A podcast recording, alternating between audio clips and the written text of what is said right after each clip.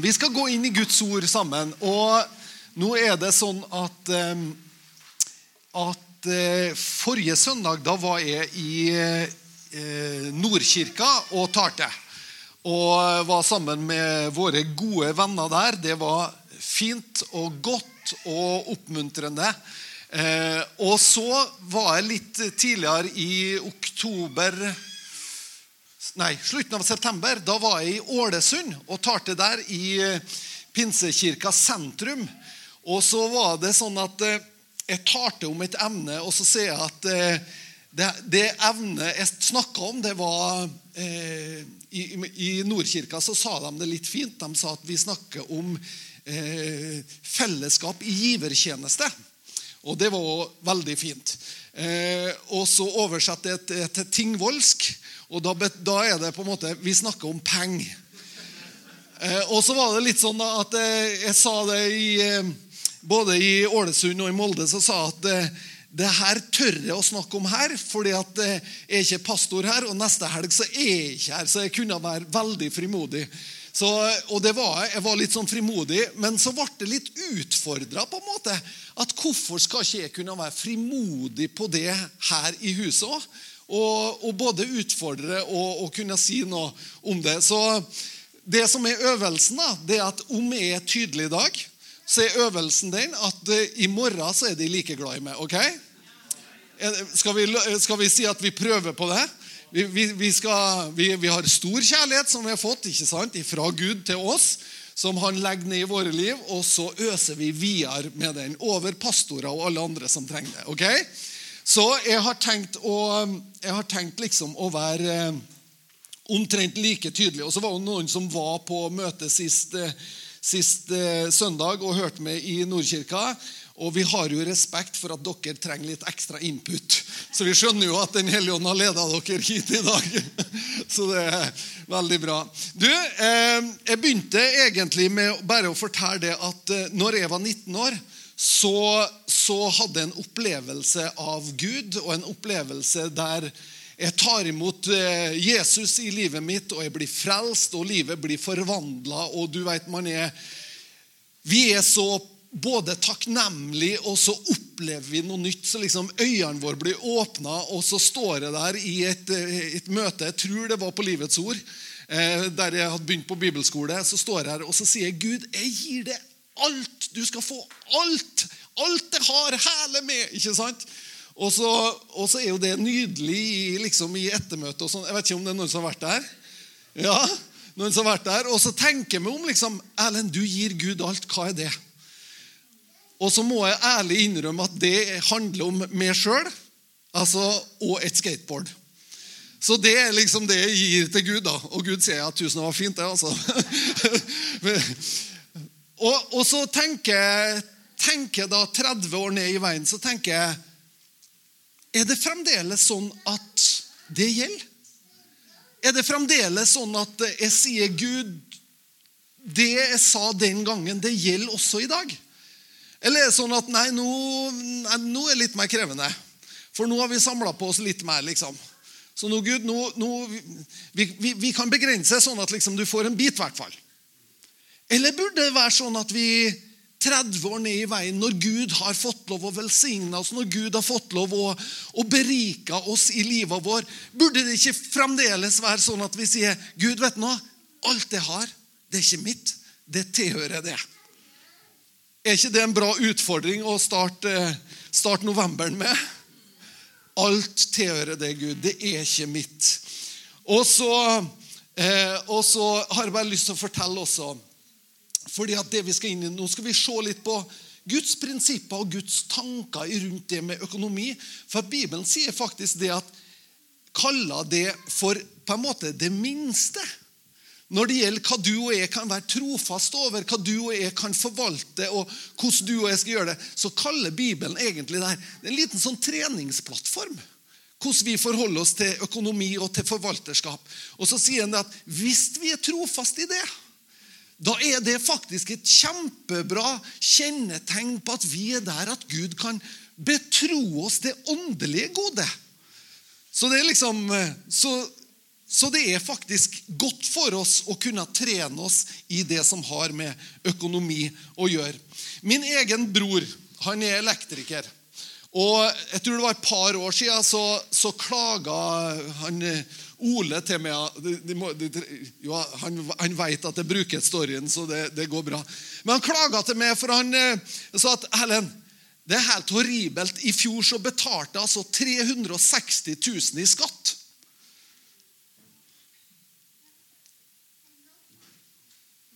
Ingen andre syns det var horribelt, nei. Og så sier jeg Jeg drar fram et atlas, og så sier jeg, Ole, nå skal du få lov å peke. Hvilket annet land i verden tjener en elektriker over en million? Kan du peke? For hør, Skal vi nevne i fleng?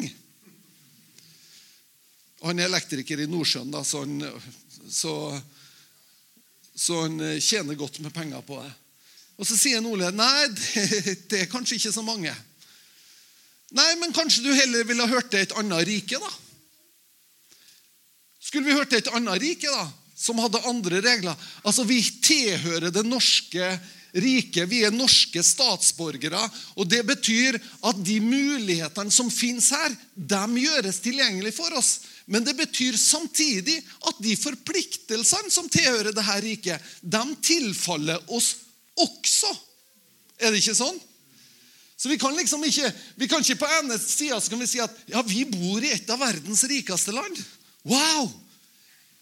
Men jeg har ikke noe særlig lyst til å være med og bygge det her samfunnet. liksom. Jeg har ikke noe særlig lyst til å bære min del av ansvaret. Dette samfunnet fungerer fordi at det er satt opp på en sånn måte at vet du, de aller fleste av oss er med og bidrar inn. Og Det gjør at samfunnet vårt er raust nok til å kunne bære dem som ikke har mulighet sjøl. Det er du og jeg en del av. Er vi ikke takknemlige for det? Er vi ikke takknemlige for det at vi, vi, vi har et godt samfunn? Ja, Men ikke akkurat skatten, da. jo da, det er nettopp det som gjør det. Og så har jeg lyst til å utfordre deg. Fordi at vi hører ikke bare til det norske samfunnet. Vi hører også til et himmelsk samfunn. Bibelen sier at vi har fått del i, eller vi har fått medborgerskap i det himmelske riket. Wow! Så du har doble statsborgerskap? Ja, det er nettopp det du har. Og det himmelske riket har også sine prinsipper, sine lover, sine forordninger. Skal det være sånn Det er et sånt spørsmål når jeg, når jeg, når jeg leverer en bil på service eller ringer en kabelselskap selskap eller et eller annet jeg ikke helt skjønner at er som det er, så bruker jeg å stille dette spørsmålet Skal det være sånn? Nei, det skal nå egentlig ikke det.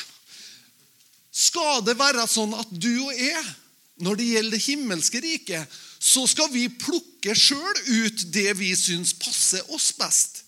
Eller er det sånn at vi tar del i hele pakka? Er det sånn at du og jeg skal våge oss å ta del av hele pakka? Eller skal vi plukke ut liksom, ja, det her, Å, det her var nuggets. Det her er jo fint, altså. Det står jo her at Herren skal velsigne meg. Oi, ja, det vil jeg ha del av.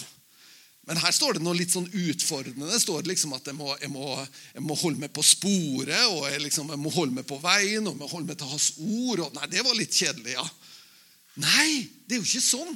Det er jo sånn at Vi skjønner at det her er en hel pakke. Det her er, en, det her er jo et helt liv det er snakka om.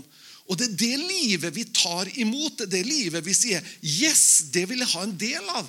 Jeg, vil, jeg skjønner det at Guds visdom på dette området er med å velsigne alle andre områder av mitt liv. Det Er ikke sånn? Så også økonomisk. Så er det faktisk sånn. Vi skal ta og legge et, et grunnlag. Vet du hva det står i Bibelen? Det står altså Guds økonomi er litt annerledes enn vår. For vår menneskelige økonomi den er sånn at den som sparer, han har. Den som sparer, han har. Mens Guds økonomi er litt annerledes. Den er sånn at den som gir, han får. Sant? Så det er en litt annen økonomi. Og ikke bli nervøs nå fordi om jeg snakker om penger i dag. ok? Bibelen snakker, Hva er det sentrale budskapet? Alle vi, vi tenker, hva er det sentrale budskapet i Bibelen? Frelst. Sant? Ja. At vi skal, altså Frelsen er det sentrale budskapet i Bibelen. Ikke, vi, vi tenker jo det. Det står om frelse i Bibelen 36 ganger. Det står om økonomi over 2500 ganger. Så Bibelen har et sentralt budskap, det er frelse, men den skammer seg ikke over å snakke om økonomi heller. Og Derfor så bør ikke du og jeg skjemmes over det heller. ok? Og så kan du tenke deg at eh, vi overlever søndags formiddag. Når han er ferdig å snakke, så går vi ut her, og så kan vi glemme alt han har sagt. Eller så kanskje det er noen nuggets i det jeg vil si, sånn at du og jeg kan leve ved det her ordet. Bibelen sier at det er Herrens velsignelse som gjør rik. Eget strev legger ingenting, ingenting til. Det står i ordspråkene. Det vil si altså at du og jeg kan oppleve og erfare Herrens velsignelse over livet vårt. Og vi kan oppleve et, Det betyr ikke at vi bare skal sitte og, og tvinne tom, tomlene liksom, og vente på at Herrens velsignelse Boom, så kom det. Nei, vi legger vår, vår, effort, vi legger vår dyktighet til. Vi legger på en måte det du og jeg er dyktig på og kan, det legger vi fram. Og så sier vi, Gud, bruk det her. Men vi tror djupest sett at det er du som velsigner oss, at det er du som er vår forsørger, at det er du som er kilda til liv for oss. ok? Så det er Herrens velsignelse som gjør rik. Og så kan vi si sånn som når Jesus forteller en lignelse i Lukasevangeliet, så sier han at han ga ut. Han ga noen ti talenter, og så ga noen en fem, og så ga han en to. ikke sant? Og så står det at eh, han reiste bort og overlot forvalterskapet. Og da står Det at det, det her er en lignelse om en konge. Så står det at hans landsmenn sendte folk etter og sa at vi hater denne kongen. Vi vil ikke at han skal regjere over oss. Sant? Men det de egentlig sier, det er at vi vil ikke at dette systemet skal regjere over oss. Vi vil ikke at det systemet der du og jeg faktisk settes som forvaltere, vi vil ikke at det skal regjere over oss. Men det er det det gjør. Du og jeg settes som forvaltere av våre egne gaver, av våre egne liv, av våre egne beslutninger, av alt vi er. Så settes du og jeg som forvaltere. Og så er vi så heldige at Guds nåde kommer oss til hjelp og kommer oss til del og løfter oss opp og, og, og, og hjelper oss. Men allikevel så er vi satt under noen lover som handler om forvalterskap. Er vi ikke det? Ja. Og det kan få lov å Hvis det er noen som vil vite hvor det står i Salmos ordspråk det jeg sa om at Herrens velsignelse gjør rik, 10 og vers 22. Det er noen som noterer. Og så har vi det vi starta med, også, som står i Haggai 2,8. Sølvet er mitt, og gullet er mitt, sier herskarenes herre. Sølvet er mitt, og gullet er mitt, sier herskarenes herre. Da er det jo ganske enkelt. da. Det tilhører han. Så vi er altså i et rike, vi er en del av et rike, der vi eh, er satt som forvaltere av 100% av det som tilhører Gud. For alt tilhører han. Og så settes vi som forvaltere, og så sier Gud at 10% av det vil jeg ha tilbake med det samme. Og så forvalter du 90% Du og jeg settes som forvaltere over 90% 10% vil han ha tilbake med det samme. Og så forvalter du og jeg resten. Og nå, Hvis dette er første gangen du hører om dette prinsippet, så, er, så, så gled deg. Fordi at tiende er et prinsipp i Guds ord som han sier at vi bringer inn tienden til han. Og så vil han åpne himmelens sluser og øse ut velsignelse over oss. Wow! Vi skal se litt mer på det bibelverset. Men for noen år siden når jeg drev en bensinstasjon i Kristiansund, så, så var jeg ute i vaskehallen av Eon Per Ståle. Vi har en egen verden som Eon Per Ståle kjenner til der, for vi har drevet denne bensinstasjonen. Eh, så, og, det, og, det, var en egen verden. Det burde vært laga en, en, en, eh, egentlig en reality-serie på den bensinstasjonen. For det var så mye artig som skjedde. Men en dag så jeg står ute i vaskehallen der og spyler eller et eller annet da, og gjør rent, og så, og så kommer det en eh, østlending som bor i Kristiansund og sier du Erlend, jeg bare lurer på, det er det sånn at i den her kirka di Er det sånn at dere gir 10% til kirka? Og så sier jeg ja. Og jeg ser du gjør det samme. Hva? Ja, jeg ser du også gir 10 til, til det du forventer noe godt ut av. Hva mener du? Og Så spurte han ja, hvor mye røyker du, da? Og så regna vi ut at han ga mer enn 10% Han brukte 70 000 på røyk i året. Ja, Hva godt har røyken gjort for det, sa jeg. Ikke så mye, nei. Nei, men den Gud som jeg gir 10% det vet du, han har rikelig velsigna meg. Så jeg tror jeg fortsetter å gi 10 jeg. Må ha litt artig òg. Sant? Ok? Tiendeprinsippet, og jeg har sagt det her før Når jeg leser eller hører profane jeg leser profane bøker som, som omhandler det med økonomi, så tar de inn tiendeprinsippet. Og Siste boka jeg leste, som heter 'Automatic Millionaire', der skriver de det sånn her. Han, han bruker et helt kapittel på å fortelle om at du må lære deg å gi 10% og så har han ingen sånn kristen begrunnelse. Men han bare skriver 'fordi at det funker'. Fordi at det funker. Sånn at når Gud legger ned sine lover, så lar han dem lovene Han lar si sol gå oppover rettferdig og urettferdig. Gjør han ikke det? Han lar sine prinsipper, sine lover, være allmenngyldige. De gjelder oss alle sammen. Og du, altså det, er jo, det, er jo, ikke sånn at om du ikke er kristen, men er hyggelig med dine naboer, så er ikke det lurt, liksom. Det er jo sånn at det gjelder oss alle, ikke sant? Og sånn er det. Så Gud han legger det ned i Sånn at du kan si eh, Tony Anthony Robins, som er en, eh, som er en stor eh, coach, eller en, en stor motivator og coach, han sier akkurat det samme. Mitt liv er til for å gi.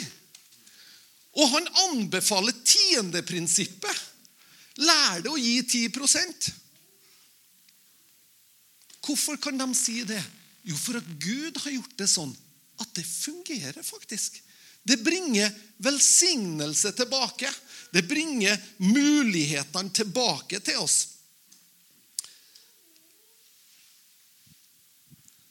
Ja, men jeg har jo hørt at eh, Jeg har jo hørt at eh, penger er roten til alt ondt. Har du hørt det? Penger er roten til alt ondt. Står ikke det, nei? Kjell Otto, vi må ha en liten sånn quiz her. Hva står det egentlig? Det står at kjærlighet til penger er en dårlig sak. Kjærligheten til penger er roten til alt ondt. Så penger er ikke roten til alt ondt. Men hvis vi blir opphengt i det, om vi setter vår lit til det, eller om vi har vår trygghet i det, da er det roten til alt ondt.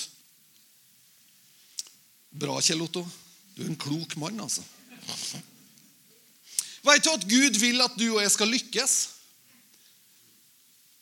Det er en ganske gjennomgående bibelsk tanke. Om du tenker hva det står i Josvas bok, f.eks. Hør her da fra Josvas bok, det første kapitlet. Når Josva er den som tar over etter Moses, så er det sånn at Josva kommer på banen, og så gjør han det med det her løftet fra Gud, eh, som står i første kapittel, vers 8 og 9. Denne lovboken skal ikke vike fra din munn, men du skal meditere på den dag og natt, så du vokter det og gjør etter alt det som står skrevet i den. For da skal du ha framgang på din vei, og alt skal lykkes for deg Hare ikke befalte, befalt det. Vær sterk og modig, vær ikke redd og bli ikke skremt, for Herren din Gud skal være med deg overalt hvor du går. I Salme 1, første salmen, så står det at den mann som ikke vandrer i ugudeliges råd, og ikke slår inn på synderes vei eller sitter i spotteres seter, men har sin lyst i Herrens lov og grunner på Hans lov dag og natt. Det er litt det samme tonen. Han skal være lik et tre som er planta ved elva med vann, som gir sin frukt i rett tid og har blad som ikke visner, og alt han gjør, skal lykkes. Wow! Salme 112. Her står det om at velsignelse er et resultat av Guds frykt. Lov Herren, salig er den mann som frykter Herren, og som har stor lyst i Herrens bud. Hans etterkommere skal bli mektige på jorda. De oppriktiges slekt skal bli velsigna. Overflod og rikdom skal fylle hans hus. Og hans rettferdighet består til evig tid. Det stiger lys opp i mørket for de oppriktige. Han er nådig, barmhjertig og rettferdig. En god mann viser velvilje og låner ut. Han skjøtter sine saker med rettferdighet. Sannelig aldri i evighet skal han rokkes. Den rettferdige skal være en evig påminnelse. Han skal ikke frykte for noe ondt eller onde nyheter. Hans hjerte er grunnfesta og stoler på Herren. Hans hjerte er trygt. Han skal ikke frykte, helt til han ser ned på sine fiender. Han har strødd ut, han har gitt til det fattige. Hans rettferdighet består til evig tid. Hans horn skal bli opphøya med ære. Det her er på en måte den tankegangen Jesus kommer inn i. Denne forventninga har det jødiske folket. Og det lever de fremdeles i dag. De lever i denne forventninga om Herrens velsignelse. Så når Jesus sier at det er jo umulig for en rik Det er like vanskelig for en rik å komme inn i himmelriket som en kamel å gå gjennom nåløyet. Da er disiplene faktisk der, Peter og gjengen, at Hæ? What? Hva du sier? Hva du forteller? Fordi at For dem så er det en så naturlig del av det å følge Gud at du blir velsigna, at de catcher ikke helt det Jesus sier her. De blir forundra, rett og slett. Men så skjønner jo vi også altså vi skjønner, Nåløyet, som vi tenker, alle vi som har hatt liksom, eh, Vi som har sydd på skolen, i hvert fall. Og drevet og tredde, Hvor mange er som har tredd en tråd liksom, gjennom et nåløye? Det var veldig åndelig spørsmål her nå. Ja, så Vi kan vel støtte hverandre i det at det er litt krevende. Og i hvert fall hvis du begynner å bli 50. Sant, også.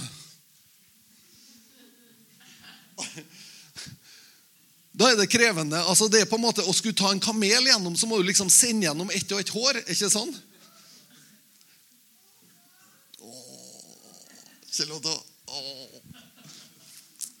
Nåløyet i det jødiske samfunnet det er altså navnet på den døra i byporten som det var mulig å åpne og gå gjennom etter stengetid. Men skulle du ha en kamel gjennom nåløyet, så måtte kamelen ned på kne.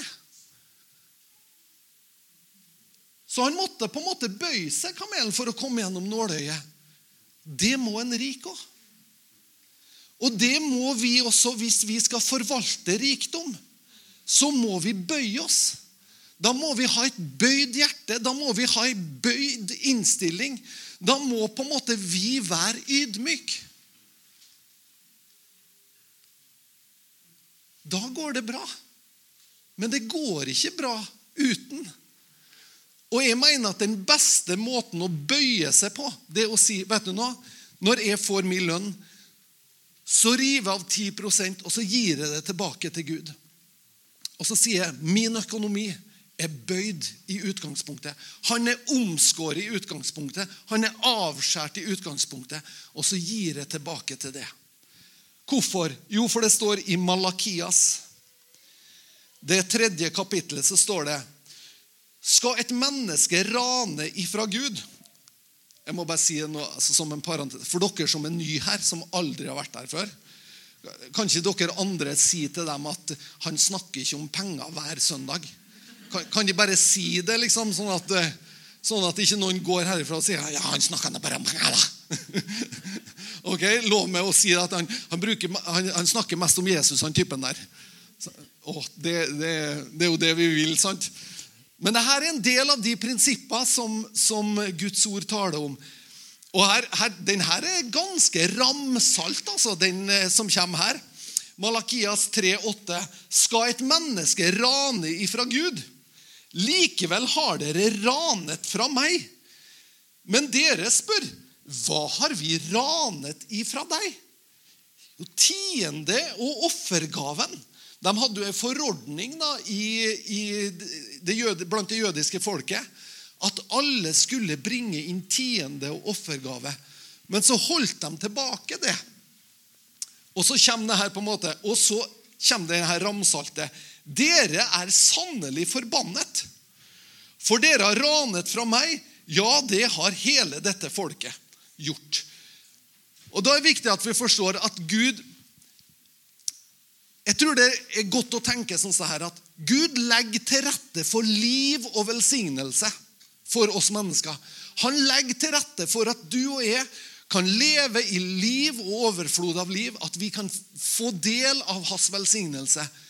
Men om du og jeg velger å ikke gjøre det, så på en måte så er det ikke sånn at ja, da står Gud der, og så er han, så er han liksom sint på oss for det.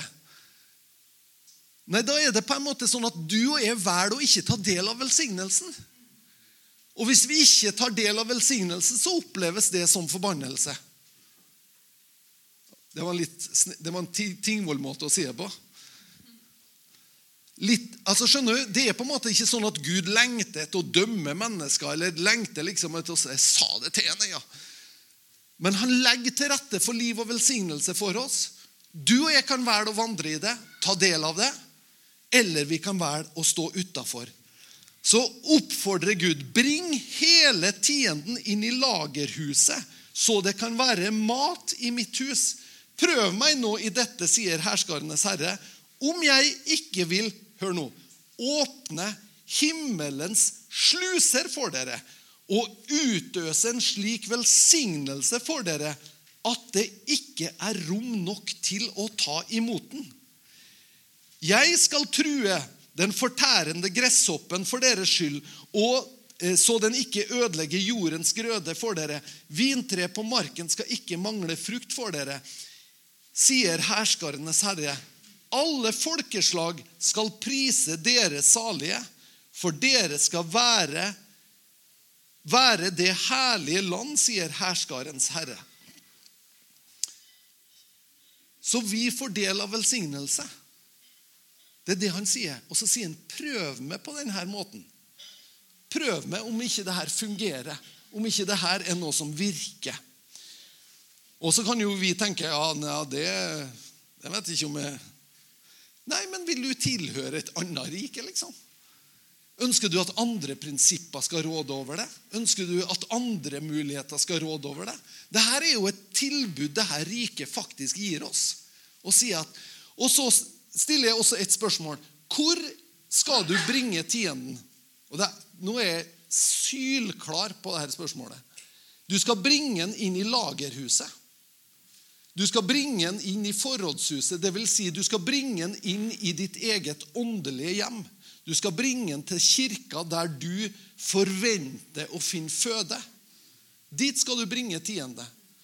For det vi gjør som, som troende, og mange ganger så er det sånn at vi vi, Nei, du skjønner at det porsjonerer ut litt tiende. Det vil si at det som Gud har bedt oss om å gi direkte tilbake til han, det sier jeg, vil forvalte det òg. Men de hellige gaver, det er du satt til å forvente. Så tiende tilhører Herren. Det er liksom, Ikke forvente at du får skryt av Herren en gang for å gi tiende. For det står jo at det tilhører Han. Kjør, altså, Ellen, nå er du, du er så bra, Ellen. Jeg syns det er fint, det her. altså. Jeg oppmuntrer meg sjøl liksom, når jeg kjenner at det er liksom dysj, dysj, dysj. Ok, Så vi gir tienden, vi bringer den inn i offerhus, eller inn i forrådshuset for at det skal finnes mat der. Sant? Og så hellige gaver, dvs. Si det utover tiende som Herren minner oss om. Det er sånn at ja, jeg kjenner at jeg skal være med å backe opp evangeliesenteret. Ja, jeg kjenner at jeg vil sende, en, eh, jeg vil sende noe til Kanal 10. Ja, jeg vil, skjønner du? Der forvalter vi sjøl. Der bestemmer vi sjøl. Og der er vår givertjeneste, faktisk. Og Herrens velsignelse skal komme over oss. Og hør her, Hva er Herrens velsignelse? Jo, det er jo at han holder borte etergresshopper. sant? Og det er at han på en måte bringer velsignelsen vår vei. Det vil si at Gud jobber på dine vegne for at du skal få del av velsignelsen som ikke du sjøl kunne ha produsert. Det vil si, det kommer, Er du forretningsmann, så kommer det dealer til det som ikke du kunne ha planlagt. Jobber du som lærer, jobber du som noe annet, så kommer det muligheter til det som ikke du sjøl kunne ha produsert. Når du skal kjøpe deg et hus, når du skal eh, et eller annet, så kan Gud jobbe på dine vegne. Bak kulissene. Og så kan du forvente deg at Guds velsignelse er over deg. Og hvordan kan det være det? Jo, ved at du og jeg er ydmyke innenfor Gud. Ved at vi tenker at økonomi er et felt der jeg trenes i ydmykhet. Jeg trenes i forvalterskap og ydmykhet. I økonomi. Og så bøyer jeg meg for Gud. Jeg husker vi, vi var i en menighet i Kristiansund som holdt på å skulle innrede et lokale. Og akkurat da så hadde jeg og Annika kjøpt vårt første hus. Og så har vi fått, en, en, eh, fått mulighet til å kjøpe noen møbler. Men så var det der at Gud, er det greit liksom at vi kjøper møbler nå, midt i det at vi skal også være med å gi til kirka? Så vi ba om det, og så sier jeg at eh, sier Gud, går det bra? Og så opplever jeg at Den hellige ånd gir meg et svar, og det er det er greit, Erlend, bare du dobler til meg. Og så, så, og så, sa vi det. Og da kjøpte jeg og Annika Vi kjøpte altså møbler for 10 000 kroner. Og det var kanskje ikke så mye, men det var mye for oss. sant? Der vi var i livet, så var det mye for oss. Og så ga vi 20 000 til kirka. Og for oss så var det et sånn Yes! Fordi at vi er avhengig av hans velsignelse. Da kan vi ikke tenke det at 'jeg styrer med mitt', ja. Det her er mitt, det her er Nei, sølv og gullet hører Herren til. Du og jeg er satt som forvaltere av det. Og skal vi forvalte, så må vi være ydmyke. Da må vi være villige til å spørre Gud er det her greit. Ja, jeg har lyst på en ny bil. Men Gud, er det greit der jeg er i dag? Er det den mest riktige forvaltninga? Og, og, liksom, Jeg skjønner at du må ha melk og brød. Og, altså, kan vi kjøpe havregryn i dag? Det er ikke det jeg tenker, Men den, store, den forvaltninga som vi bedriver og så jeg var, når jeg var i Nordkirka, det var knallbra. De har laga en film. De laga en film der det sto en gutt han sto foran et verdenskart. Og så sier han hver måned så bidrar min familie til viktige formål. Og Så tok han opp noen ark, og så sto det Netflix, Viaplay Det sto uh, Istanett. Og det, var også, og det var mer og mer og mer. Og det var så mye, liksom. Det var, det var så mye, på en måte. Jeg tror det var en 12-13 plakater, liksom. Om, med ting som du og jeg og, og familier rundt om Vi er så vant til det at det er naturlige utgifter for oss. Så plutselig så allerede der så er tusenlapper forvalta ifra oss. Og så stiller vi spørsmål har jeg råd til da, å dra opp den siste plakaten. Ja, ja, ja, siste plakaten. Og så Nordkirka, da. Og Veldig ofte så er det sånn at vi lar alt mulig ete opp, og så syns vi at nei, men det blir litt, det blir litt for mye. Ja, Da er nå spørsmålet hva er det som er for mye, da? Hæ? Hva er det som er for mye, da? Du og jeg satt som forvaltere, og vi forvalter. Andre Korinterbrev, det niende kapittelet.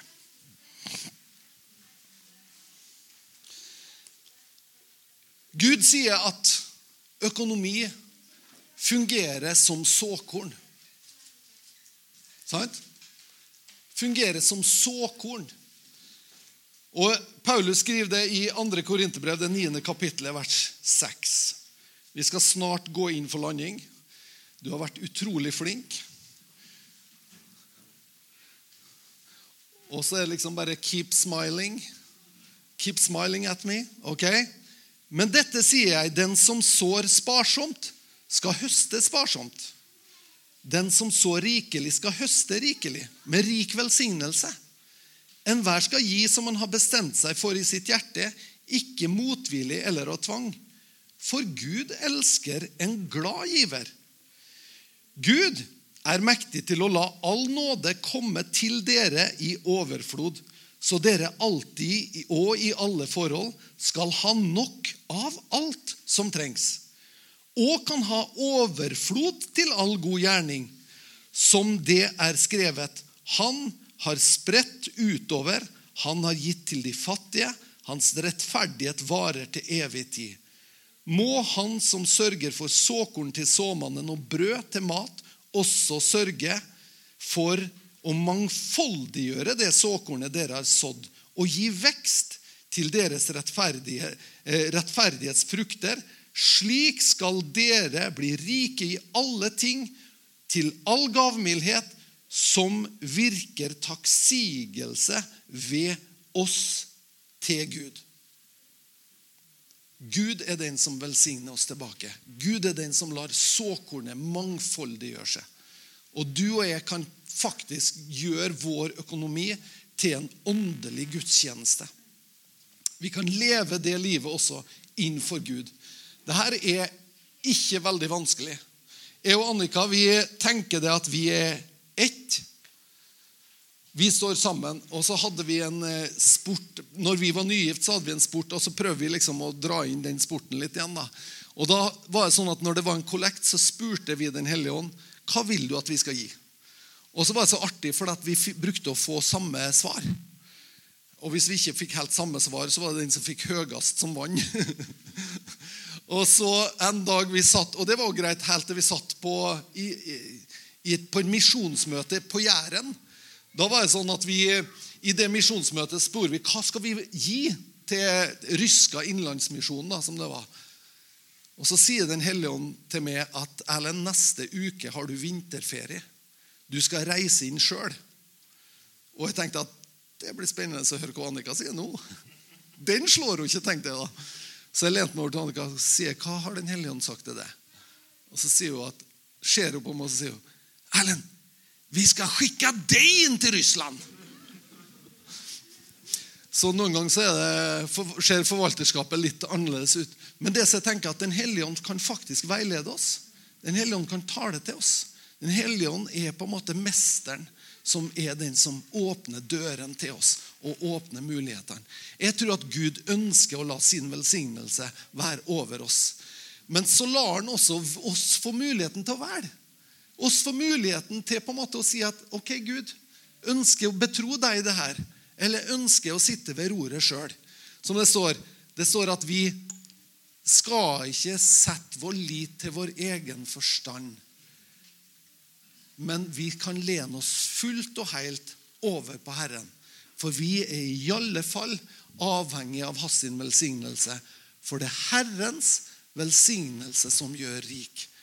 Eget strev er ikke det som kan fikse biffen. Ok.